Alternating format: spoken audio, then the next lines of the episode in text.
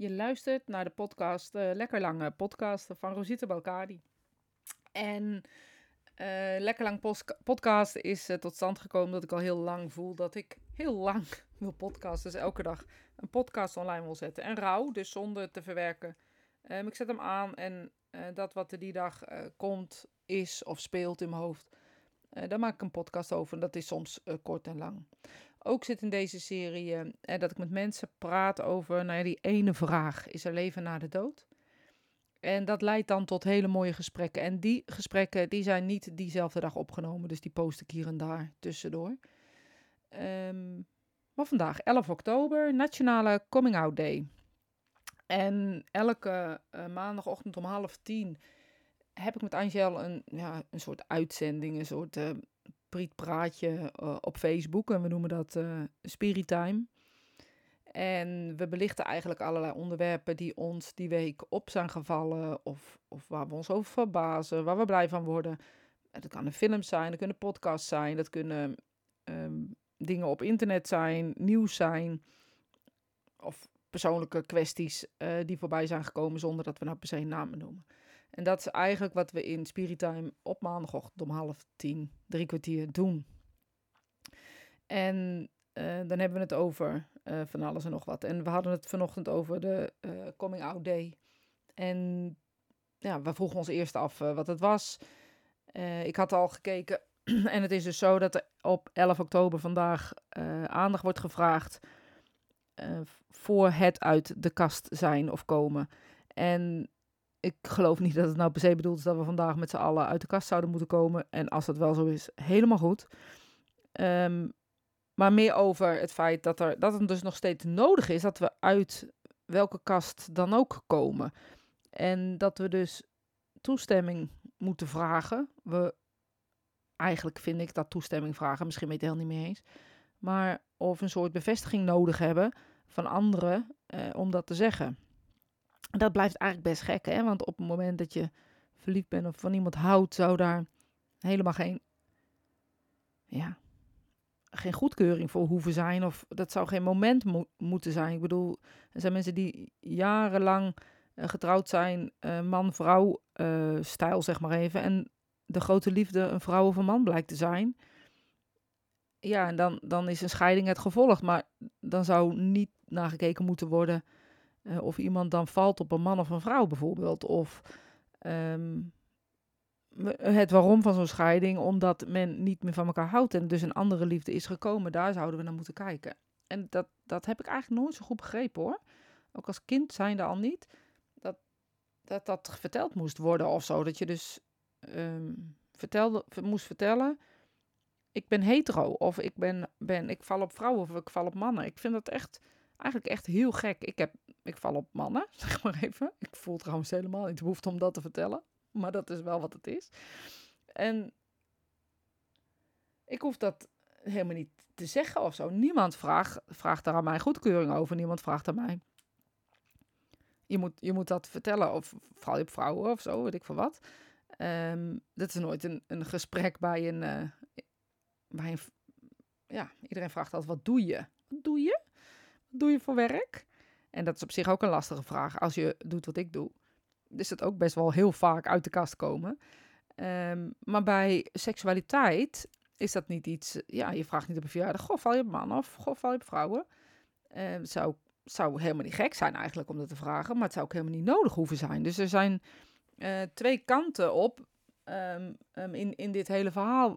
We hoeven we zouden eigenlijk helemaal niet de behoefte moeten voelen om uit de kast te komen, om iets te vertellen of iets te verdedigen. Misschien is dat een beter woord, verdedigen. Maar het is dus helaas nog steeds nodig. Er is nog steeds een roze zaterdag nodig. Er is nog steeds een coming out day nodig. Er is nog steeds LBKTIC uh, plus et cetera nodig. Uh, om duidelijk te maken uh, dat het normaal is om anders te zijn. Of dat het um, misschien wel anders zou moeten zijn om normaal te zijn of zo, weet je. Um, in, in onze samenleving en de hele wereld, in ieder geval in het Westen, is het zo dat we hokjes heel fijn vinden om mensen daarin te stoppen, omdat we het dan zelf kunnen begrijpen. Maar we komen er gelukkig steeds meer achter dat die hokjes ons ook beperken in andere vormen. Ik weet nog wel, jaren geleden um, werden er ineens regels ergens voor op. Ik weet geen eens meer waarvoor het was. En toen zei ik amper een keer. Er komt nog echt een tijd dat we gevangen gaan worden, een gevangene gaan worden van onze eigen regels. Dat we zoveel regels opbouwen en optrekken om andere regels te dichten. Dat we op een gegeven moment de gevangenen worden van alles wat we geprobeerd hebben te kaderen of te begrijpen of, of mensen maar in het gereel te houden of zo op een bepaalde manier. Terwijl ik denk dat de mens van nature helemaal niet de bedoeling is dat hij op allerlei rare vlakken gekke dingen doet. Maar op het moment dat we regels of ja, zeggen dit mag niet, dan willen we het of zo. Dat is, het blijft iets geks of zo in mensen. Goed, dat is een heel ander verhaal. we hadden het over coming out. En ineens uh, was ik op regels en op de, um, het vervolg daarvan, zeg maar. Dat je dus op een of andere vage wijze um, niet jezelf mag zijn of kan zijn op het moment dat je op een andere sekse valt als de meeste. Ik snap het eigenlijk echt helemaal niet. Als ik het hardop zeg, hè, vind ik het nog raarder of zo. Dat er echt mensen zijn die daar op welke manier dan ook lelijk tegenover staan. Of het echt niet begrijpen en ook niets met, met mensen te maken willen hebben. Uh, die anders zijn dan dat zij zijn. Dat vind ik echt heel gek. Heel gek, eigenlijk.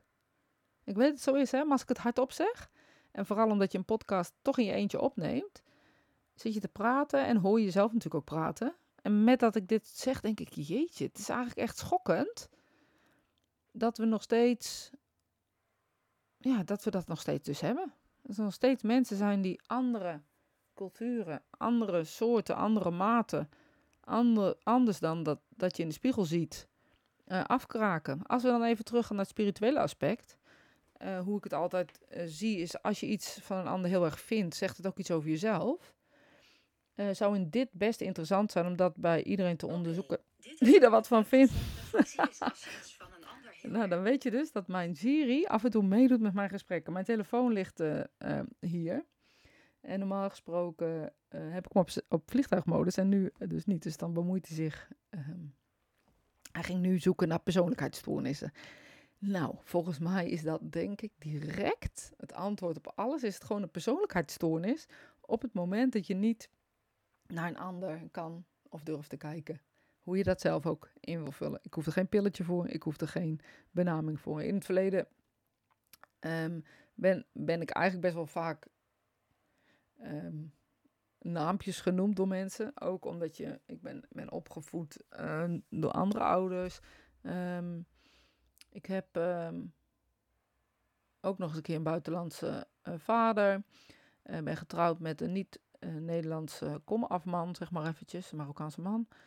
Um, ja, weet je, ik ben ook nog eens een keer medium, dus er valt echt veel op mij te zeiken, zeg maar uh, en 9 van de 10 keer is dat ook wat mensen vaak en graag doen, omdat ze het niet begrijpen en niet snappen. En dat vind ik ook oké. Ik bedoel, als mensen iets over me zeggen, um, weet ik gewoon dat, dat ze eigenlijk iets over een ander zeggen. Maar dan gaat het over mezelf en kan ik dat relativeren. Maar de, de doelgroep waar ik het net over had, die dus echt kwetsbaar is, omdat er al zoveel van gevonden wordt, of omdat het al zo raar is om uit de kast te komen. Ja, lijkt het me toch van groot belang dat we er elke keer weer aandacht aan blijven geven. Mensen aan het woord laten die uh, hiermee van doen um, hebben. En ook, ja, die ook durven uh, tegen anderen te vertellen. Dit was mijn weg en dit was mijn pad. Bijvoorbeeld zoals vanochtend in Spirita, dat Angel uh, vertelde hoe zij uh, tegen haar ouders moest vertellen dat ze verliefd was op een meisje. en dat dus ook echt heel, heel erg um, verdrietig ontvangen werd, terwijl zij zo gelukkig was met de liefde die zij had. Want ze was verliefd en gelukkig. En haar ouders reageerden dus met verdriet. En dan wordt er dus eigenlijk al direct een ja, negatieve associatie of een negatieve stempel gedrukt op jouw liefde en op jouw geluk zijn. En ik kan me ook voorstellen dat het echt reacties zijn die echt heel veel, ja, er heel veel zijn. Dat jij zo gelukkig bent en zo verliefd bent en dat dat de reactie van de omgeving is. Gewoon dat je met je vriend of met je vriendin hand in hand wil lopen. Dat moet toch de normaalste zaak kunnen zijn die er is. Dat je kan tonen aan elkaar, dat je van elkaar houdt door elkaar vast te houden, door te knuffelen, door te kussen. En dat dat ja, als zijnde slecht wordt betiteld. Nog steeds op de dag van vandaag als slecht wordt betiteld. Nou ja, dat, dat doet me wel pijn, moet ik eerlijk zeggen. En dat vind ik een vooruitzicht die, die me niet vrolijk stemt. Gelukkig kijken we dan naar onze jeugd en zien we echt dat, dat ze veel meer open zijn en open-minded zijn. Uh, maar ja, die jeugd moet nog wel eventjes uh, volwassen worden en uh, de maatschappij overnemen, laat ik het maar even zo zeggen. Dus misschien moeten wij als ouderen wel iets meer kijken naar onze eigen rol hierin en hoe, hoe krom of bekrompen misschien we soms zijn. Mediumschap en spiritualiteit is ook uit de kast komen.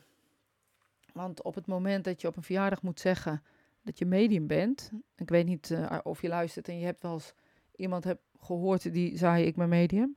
Of je bent zelf medium en je moest dat een keer vertellen. Poeh, dat is echt wel een dingetje hoor. Want kijk, ik ben onderhand bejaard in mediumschap. Dat betekent dat ik echt al heel lang, eh, 20 jaar of zo, um, uh, ruim, nou ja, wat 20 jaar echt sessies geef. en mensen daar dus ook echt wat van vinden. Iedereen vindt er wat van. Weet je, op het moment dat iemand aan jou vraagt, wat doe je voor, wat doe je voor je werk? En je zegt, ik werk als medium, ik geef mediums een les, want dat is wat ik nu doe. Ik leer mediums ook mediumschap te beoefenen. Dan, krijg je altijd reacties als, uh, oh daar heb ik niks mee, of uh, oh wat leuk, doe bij mij. Of um, je moet de doden laten rusten. Of nou ja, weet ik veel wat, allerlei andere dingen die, die niks zeggen over mediumschap of over, uh, over jou. En toch worden mensen, die gaan er ook, ik weet niet, mensen doen er altijd iets raars mee. Dus dan blijft het ook dat je nog steeds spannend blijft vinden om te zeggen. Weet je, mensen die zeggen, uh, daar heb ik niks mee, die zijn nog het makkelijkst. Want dan vraag ik terug, wat doe jij dan eigenlijk voor werk? En 9 van 10 keer krijg je dan ook wel een eerlijk antwoord. En dan, wat het ook is, zeg ik, ah nee, daar heb ik niks mee. En dan zie je ze een beetje naar je kijken en denken en denken, hmm, wat ik net gedaan heb is best raar, want dit is ook raar nu dat je dat naar mij doet. Dus die, die spiegel, die hou, probeer ik altijd wel op te houden. Uh, dus daar kan ik op zich wel mee omgaan. Ik vind het lastiger als mensen um, je echt tegen je keren, want dat gebeurt ook echt hoor, kan ik je vertellen. En niet, niet meer tegen je willen, of misschien wel durven, dat weet ik dan niet zo goed. Um, niet meer tegen je willen praten. Of uh, je ontwijken. Niet meer op feestjes uitnodigen. Uh, uh, dat soort dingen. En dat je dan achteraf moet horen omdat het is, omdat je echt een andere kijk hebt. Of eh, ja, er komt iemand die daar niks mee heeft. Of dat zijn echt wel, ik vind dat schrijnende dingen, heel eerlijk gezegd. En ik geloof dat nog steeds als je iets niet begrijpt, je juist moet vragen waarom en hoe het zit. En of dat nu in seksualiteit is, of dat nu in, in iets, iets anders is, wat, het kan geloof zijn. Vraag het. Hoezo, hoezo is dat zo? Hoezo, um, hoezo mag dat niet? En hoezo kijk je daarnaar? En ik denk dat je dan meer tolerantie naar elkaar kan krijgen. Maar helaas is het vaak zo dat mensen heel rigide zijn in bepaalde opvattingen. Ook niet zoveel tolerantie is. Dus laten wij dan onze, nogmaals, onze kinderen opvoeden met veel tolerantie, veel openheid. En um, dat respect het enige is. En liefde uiteraard, maar volgens mij hebben die met elkaar te maken zelfvertrouwen creëren bij onze kinderen, respect creëren voor en met onze kinderen. Um, en dan wordt de wereld echt alleen maar elke keer een stukje, stukje beter. Dus deze podcast over Coming Out Day uh, was heel divers en uh, ging een beetje alle kanten op. Dat uh, ben ik me absoluut van bewust. maar ook dat hoort bij deze lekker lang zoveel dagen, want het was eerst in de eerste instantie 100, maar ik weet niet of ik dat volgehouden of dat ik mezelf wil beperken tot 100. Dus wie weet ga ik dit gewoon wel altijd zo doen. Um, maar in ieder geval, nou dankjewel voor het luisteren. En uh, morgen weer uh, verder. Vind je het nou leuk om mee te praten? Meld je dan even aan hieronder, ergens uh, waar dit gepost staat. als je het luistert op Spotify, weet ik niet of je een berichtje kan sturen. Ik weet wel dat je me gewoon een mailtje kan sturen. En dan zeggen dat je mee wilt doen en het leuk lijkt om dat te doen. En dan gaan we praten over die ene vraag. Geloof jij in een leven na de dood? En dan spreek ik je morgen weer uh, fris en fruitig over nieuwe onderwerpen die op dat moment in mijn hoofd zijn. Tot snel.